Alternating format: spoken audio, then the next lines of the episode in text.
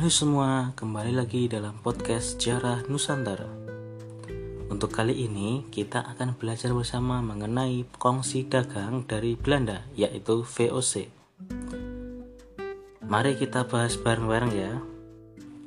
Jika kemarin kita sudah belajar mengenai bagaimana proses kedatangan latar belakang bangsa Eropa ke Nusantara, ada bangsa Portugis, Spanyol, ada Inggris dan Belanda. Nah, sekarang kita akan membahas bagaimana kongsi dagang dari Belanda yaitu VOC berhasil menancapkan kukunya dan berkuasa di Nusantara hingga hampir 200 tahun. Nah, pada mulanya di abad ke-16 wilayah-wilayah di Belanda berada di bawah kekuasaan kerajaan Spanyol.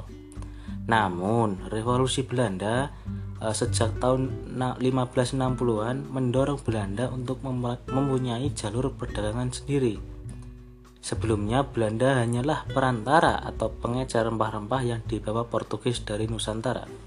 Jadi, yang kita ketahui, Portugis itu uh, adalah bangsa Eropa pertama yang uh, bisa sampai ke Nusantara dan kembali ke Eropa dengan membawa rempah-rempah. Nah, Belanda itu hanyalah seorang pengecer yang dibawa Portugis dari Nusantara.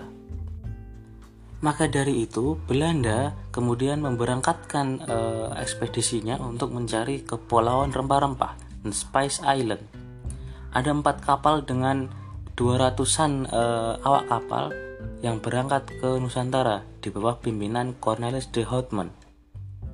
Pada akhirnya setelah berbulan-bulan e, terombang-ambing di perairan, akhirnya di akhir abad ke-16 kapal-kapal tersebut e, akhirnya bisa sampai ke Banten, pelabuhan terbesar di Jawa Barat pada waktu itu. Meskipun belum menemukan pusat rempah-rempah di timur Nusantara, yakni Maluku, Dawatman telah mewariskan jalur pelayaran bagi penjelajah Belanda berikutnya. Nah, jadi pada waktu itu De bisa sampai ke Banten, namun e, kembali lagi ke Eropa dengan tangan kosong. Kenapa? Karena De pada waktu itu tidak diterima dengan baik oleh penduduk lokal. E, diakibatkan karena ketidaksopanan atau e, perlakuan De yang tidak menyenangkan sehingga para masyarakat lokal mengusirnya uh, untuk kembali ke Eropa lagi. Nah, hal ini yang mengakibatkan ekspedisi kedua yang dilakukan oleh Belanda akhirnya diterima dengan baik. Ekspedisi ini dipimpin oleh Jacob van Eyck uh, tahun 1598. Ada 22 kapal yang dilayarkan dan sampai ke Maluku pada Maret 1599. Rombongan Jacob van Dijk ini diterima dengan baik oleh masyarakat Maluku karena dianggap e, menghormati dan e, memberikan hadiah kepada masyarakat. Nah, akhirnya kapalnya kembali ke Eropa dengan mengangkut banyak sekali rempah-rempah. Jadi kapalnya itu penuh dengan rempah-rempah. Keuntungannya yang diperoleh dari ekspedisi kali ini mencapai 400%. Bayangkan, 400% keuntungan keuntungan yang sangat besar ini uh, akhirnya memikat para pengusaha-pengusaha yang di Belanda. Banyak pengusaha uh, ekspedisi atau pengusaha yang punya banyak uang akhirnya melancarkan ekspedisi ke Nusantara untuk mencari rempah-rempah juga. Namun, persaingan yang dilakukan oleh pengusaha Belanda ini tidak sehat. Jadi saling sikut menyikut, uh, saling memainkan harga dan lain-lain harga yang naik dan terlalu banyak pengiriman ke Eropa. Jadi uh, kalau kita belajar tentang ekonomi, harganya naik, demandnya naik, tetapi uh, supply-nya tinggi itu menyebabkan harganya bisa jadi turun. Nah, keuntungan yang dihasilkan pun terlalu kecil. Uh, jadi tidak sepadan dengan biaya yang dikeluarkan uh, berlayar ke Nusantara lalu kembali lagi ke Eropa seperti itu. Persaingan ini semakin meruncing dikarenakan Inggris juga telah mempunyai fungsi dagang di kawasan Asia pada saat itu yang namanya AIC atau East India Company yang pusatnya di India yang akhirnya telah melebarkan sayapnya sampai ke Asia Tenggara dan Nusantara pada waktu itu. Nah, pembentukan EIC ini telah menimbulkan kekhawatiran yang sangat besar di kalangan pedagang Belanda Awalnya persaingan berdagang di antara mereka, kini menjadi kesepakatan untuk menyaingi AIC dan saling bekerja sama. Jadi awalnya eh, para pedagang Belanda ini bersaing antar sesamanya mereka, tetapi ketika sadar ada pesaing yang lebih besar yakni di, dari Inggris yakni AIC dan akhirnya mereka saling bekerja sama untuk menyaingi kongsi dagang dari Inggris tersebut. Akhirnya pada 1598 atau akhir 1500-an, Parlemen Belanda atau Staten General mengusulkan perusahaan yang saling bersaing itu digabung jadi satu jadi sebuah kongsi dagang. Maka Eh, dua tahun kemudian uh, eh, 1602 terbentuklah Perserikatan Maskapai Hindia Timur atau VOC. VOC ini mempunyai pimpinan sejumlah 17 direktur yang bisa disebut dengan 17 Heeren. Nah, markasnya berada di Amsterdam. Di awal operasi VOC, The Heeren 17 ini menangani semua urusan VOC dari Amsterdam secara jarak jauh. Tapi mereka segera sadar bahwa hal ini sulit dilaksanakan karena keterbatasan komunikasi, keterbatasan jarak, dan lain-lain.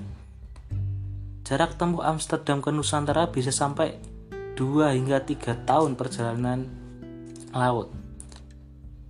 Padahal di awal kedatangan VOC sibuk memerangi Portugis yang datang lebih dulu. Jadi ada perebutan kekuasaan ketika VOC masuk, padahal di sana sudah ada Portugis yang berkuasa. Nah, ditambah lagi dengan berbagai macam perlawanan yang dilakukan oleh penduduk lokal. Agar bisa menangani urusan perdagangan dan ekspansi lebih baik lagi, maka tahun 1610 diciptakanlah adanya jabatan gubernur jenderal Gubernur jenderal ini yang memerintah di Hindia Belanda atau Nusantara itu dipilih oleh dari Dewan Hindia di Belanda. Yang menjadi gubernur jenderal pertama namanya Peter Bot. Nah, Peter Bot ini e, ditugaskan untuk mengawasi atau menjalankan kebijakan VOC di Nusantara. Nah, maka dibangunlah markas di Indonesia atau Nusantara oleh VOC kegiatan Belanda di Asia dikendalikan oleh Gubernur Jenderal Peter Bot. Nah, selama hampir 10 tahun kepemimpinan, VOC itu bermarkas di Ambon. Meski yang kita tahu Ambon itu pusat rempah-rempah, ada Pulau Banda, ada Maluku. Nah, tapi Ambon tidak masuk dalam jalur perdagangan Asia yang strategis. Maka dari itu, untuk mendekatkan markas VOC dengan wilayah dagang lainnya yang mulai dari Afrika sampai Jepang, VOC kemudian berinisiatif untuk memindahkan pos wilayah dagangnya ke Banten tahun 1610. Nah, di timur Banten inilah eh, akhirnya Belanda eh, mendarat dari Ambon untuk mendirikan eh, markas. Kedatangan mereka ini disambut oleh Pangeran Wijaya Krama dengan sangat baik. Maka setahun setelahnya, Jenderal Peter Bot mengadakan perjanjian dengan Pangeran Wijaya Krama untuk mem memanfaatkan Jayakarta atau yang sekarang dikenal dengan Jakarta dengan pelabuhan Sunda Kelapanya.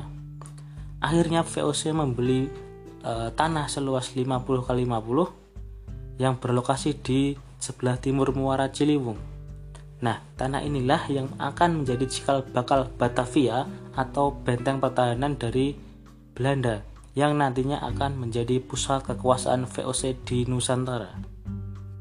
Seiring berjalannya waktu, akhirnya VOC berhasil mengalahkan dominasi Portugis yang sekarang menjadi uh, penyuplai atau Nah, dengan dipindahkannya markas VOC ke Batavia, maka semakin kuatlah kekuasaan VOC di Nusantara. Lama-kelamaan, Portugis sebagai pemain lama akhirnya bisa dikalahkan oleh VOC dalam dominasi e, pemain rempah-rempah di Nusantara. Hal ini tidak lepas kaitannya dengan berbagai macam hak atau privilege yang diberikan kepada VOC oleh e, pemerintah Belanda.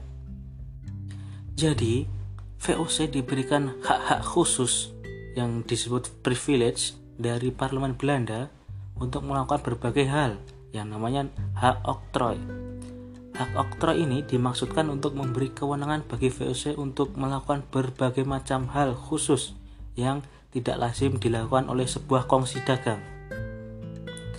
Yang pertama adalah VOC boleh melakukan monopoli perdagangan rempah-rempah di wilayah antara Tanjung Harapan di Afrika sampai Selat Magellan termasuk Nusantara. Jadi eh, kongsi dagang ini bisa melakukan monopoli sesukanya dari wilayah Afrika sampai ke Nusantara. Lalu hak yang kedua yaitu boleh merekrut pegawai atas dasar sumpah setia. Jadi eh, keberlangsungan VOC perusahaan VOC ini di Nusantara ini dibantu oleh para pegawai. Jadi tidak semua pegawai VOC ini orang Belanda asli. Jadi banyak yang direkrut dari warga lokal atau warga Eropa asing dan lain-lain. Nah, hak yang ketiga adalah boleh membentuk angkatan perang sendiri. Nah, ini unik karena bisa dikatakan uh, eh, VOC itu negara di dalam negara karena tidak lazim sebuah kongsi dagang itu mempunyai angkatan perang sendiri. Nah, VOC diberikan hak itu dari parlemen Belanda. Hak selanjutnya itu melakukan perang. Jadi VOC diperbolehkan untuk menyatakan perang untuk memperluas kekuasaannya di Nusantara. Hak selanjutnya yaitu membangun benteng pertahanan, lalu mengadakan perjanjian di seluruh Asia dan mencetak dan mengeluarkan mata uang sendiri. Nah, itu banyak banget uh, privilege-privilege atau hak-hak yang diterima oleh VOC untuk mengembangkan kongsi dagangnya dalam misi menguasai perdagangan atau memonopoli perdagangan di Nusantara. Jadi bisa dibayangkan uh, bisa mencetak uang sendiri, boleh uh, membuat angkatan perang, bisa melakukan perang, ada bisa membangun benteng, bisa memonopoli perdagangan, bisa dibayangkan betapa kuatnya pengaruh atau e, power dari VOC untuk misi menguasai perdagangan di Nusantara. Nah, dalam perjalanannya, VOC menerapkan berbagai macam kebijakan. Yang pertama yaitu Fairpledge Leveranti. Artinya apa? Artinya VOC memaksa pribumi untuk menjual hasil bumi dengan harga yang telah ditetapkan oleh pihak VOC. Hasil bumi itu bisa jadi lada, kapas, kayu manis, gula, beras, maupun binatang ternak. Nah, peraturan ini memaksa rakyat untuk menjual hasil bumi hanya kepada pedagang VOC saja. Yang kedua adanya kontingenten, yaitu kewajiban rakyat untuk membayar pajak hasil bumi mereka dari hasil bumi tersebut. Nah, jadi ketika kita punya ladang e, 5 hektar, nah pajaknya itu dari hasil bumi yang kita tanam tersebut. Lalu yang ketiga namanya ekstripasi. Hak VOC untuk mengatur peredaran bahan rempah dengan cara menebang pohon rakyat agar harga tidak merasa tajam. Nah, jadi karena e, jika suatu komoditas itu suplainya banyak, maka harganya tentu menurun. Nah, untuk mengatasi ini, VOC boleh dan bisa uh, memusnahkan tanaman yang uh, oversupply atau kebanyakan. Itu agar apa? Agar harganya tidak merosot. Itu. Selanjutnya adalah pelayaran hongi. Pelayaran hongi ini adalah pengawasan perdagangan menggunakan perahu kora-kora untuk menghalangi terjadinya penyelundupan pasar gelap. Ini dilakukan untuk mengawasi perdagangan yang dilakukan oleh VOC. Jadi uh, ada beberapa yang ingin menjual barang-barangnya ke ke pedagang-pedagang asing yang bukan VOC. Nah, pelayaran ini dilakukan untuk mengawasi hal itu agar tidak terjadi. Bagi yang melanggar akan dipenjara bahkan ada yang dibunuh. Selanjutnya adalah priangar stelsel. Peraturan ini disebut sistem priangan diterapkan di wilayah Priangan, Priangan Jawa Barat. Ini e, wajib pajak harus membayar pajak bukan berbentuk uang, tetapi hasil bumi yang setara dengan nilai pajak. Bagi yang tidak mempunyai lahan, wajib kerja di lahan milik VOC atau kerja rodi tanpa upah gitu setelah berjalannya waktu hampir 200 tahun dengan dinamika naik turun dari kongsi dagang VOC ini yang kita tahu ada banyak perlawanan dari Sultan Agung, dari Sultan Hasanuddin, Sultan Agung Tertoyoso, ada Thomas Matulusi atau Patimura untuk melawan uh, monopoli perdagangan dari VOC.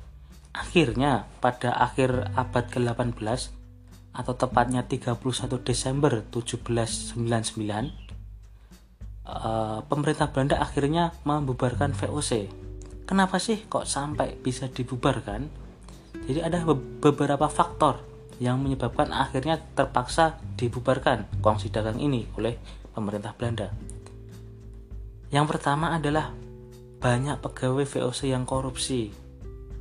Jadi setelah eh, pundi-pundi uh, uang itu banyak, akhirnya banyak yang terjerat korupsi. Kenapa? Karena tergoda oleh banyaknya uang yang masuk dari masyarakat dan lama kelamaan menjadi budaya budaya korupsi pada waktu itu yang kedua adalah VOC terjerat banyak utang yang ketiga pengeluaran VOC yang semakin besar akibat melakukan perang nah dua faktor ini sangat berkaitan karena tadi banyak perlawanan yang dihadapi oleh VOC dan akhirnya membutuhkan banyak dana untuk menumpasnya. Nah, ini akhirnya e, VOC terjerat banyak hutang untuk melakukan perang. Selanjutnya adalah adanya persaingan yang ketat dari pedagang-pedagang Eropa lainnya. Lalu, penggunaan tentara sewaan yang membebani kas VOC. Jadi, tentara-tentara yang digunakan untuk e, mengcounter atau melawan dari perlawanan lokal ini dilakukan dengan sewaan, makanya membe membebani kas dari VOC. Faktor selanjutnya adalah pembagian dividen atau laba kepada pemilik saham, walaupun kas VOC mengalami defisit atau kerugian. Nah, jadi kongsi dagang ini mempunyai investor-investor dari eh, pengusaha-pengusaha yang lebih besar. Nah, pengusaha ini selalu selalu diberi dividen atau laba meskipun kas kondisi kas VOC mengalami minus. Nah, itu yang menyebabkan eh, kasnya semakin menurun dan menyebabkan kerugian. Pada akhirnya di akhir eh, kekuasaan VOC, VOC kembali diambil alih oleh Belanda sendiri. Pada awal pemerintahannya, Belanda mengalami permasalahan yang sangat kacau balau akibat sistem VOC yang sangat buruk. Jadi manajemen sangat buruk, uh, pegawainya kurang cakap tapi banyak yang korupsi. Selain adanya perang yang berkepanjangan di Eropa Belanda juga ketergantungan terhadap pemasukan dari VOC pada waktu itu. Dan akhirnya dengan sangat terpaksa VOC dibubarkan pada 31 Desember 1799 nah maka berakhirlah kekuasaan VOC di Nusantara setelah 200 tahun memonopoli perdagangan di Nusantara. Oke, seperti itulah e, sejarah singkat dari VOC dari awal mula latar belakang proses kebijakan yang dilakukan sampai faktor yang e, menyebabkan keruntuhan. Sekarang kita masuk ke fakta-fakta di balik VOC yang jarang orang ketahui. Fakta pertama, gold dan glory. Tidak seperti Portugis dan Spanyol yang mengemban misi 3G, Gold, Glory, dan Gospel. Namun, VOC tidak e, melakukan hal tersebut. Mereka hanya melakukan Gold dan Glory, tidak menyebarkan agama Kristen. VOC mengekang ketat para pendeta Protestan di seluruh wilayah VOC di Asia. Mereka dibatasi hanya kepada komunitas Eropa yang kecil dan komunitas-komunitas yang telah dikristenkan oleh Portugis seperti Ambon, Minahasa, dan Malaka. Jadi e, misi 3G ini tidak berlaku pada VOC karena tidak e, melakukan gospel atau e, kristenisasi. Fakta yang kedua adalah 17 kunci Heron 17. Menurut sejarawan Mona Lohanda, ada ruang sidang Heron 17 di Amsterdam itu ada lemari besar itu menyimpan seluruh dokumen dan surat-surat VOC. Lemari itu hanya bisa dibuat dengan 17 kunci yang dipegang oleh masing-masing 17 anggota Heren Seventeen. Ini e, memperlihatkan dewan tertinggi sangat menjaga kerahasiaan bisnis dagang VOC. Fakta yang ketiga, pegawai VOC internasional. Penerimaan pegawai VOC pada kenyataannya bersifat internasional. Jadi banyak legiun asing atau pegawai dari non Belanda yang diterima atau dipekerjakan di VOC.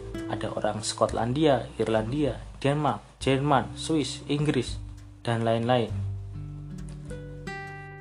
Selanjutnya adalah pembentukan kampung. Jadi untuk membangun Batavia atau Jakarta, VOC mendatangkan orang-orang dari berbagai daerah di Nusantara. Nah, setidaknya ada 40 kelompok masyarakat dari berbagai wilayah di Nusantara dan dunia. Akhirnya VOC menyediakan lahan, lahan-lahan atau perkampungan-perkampungan yang isinya berdasarkan latar belakang suku masing-masing. Kampung tertua namanya Kampung Banda, hasil migrasi pada awal abad ke 1700 akhirnya sampai sekarang kita temui di Jakarta ada kampung Melayu, ada kampung Bali, kampung Ambon, dan lain-lain.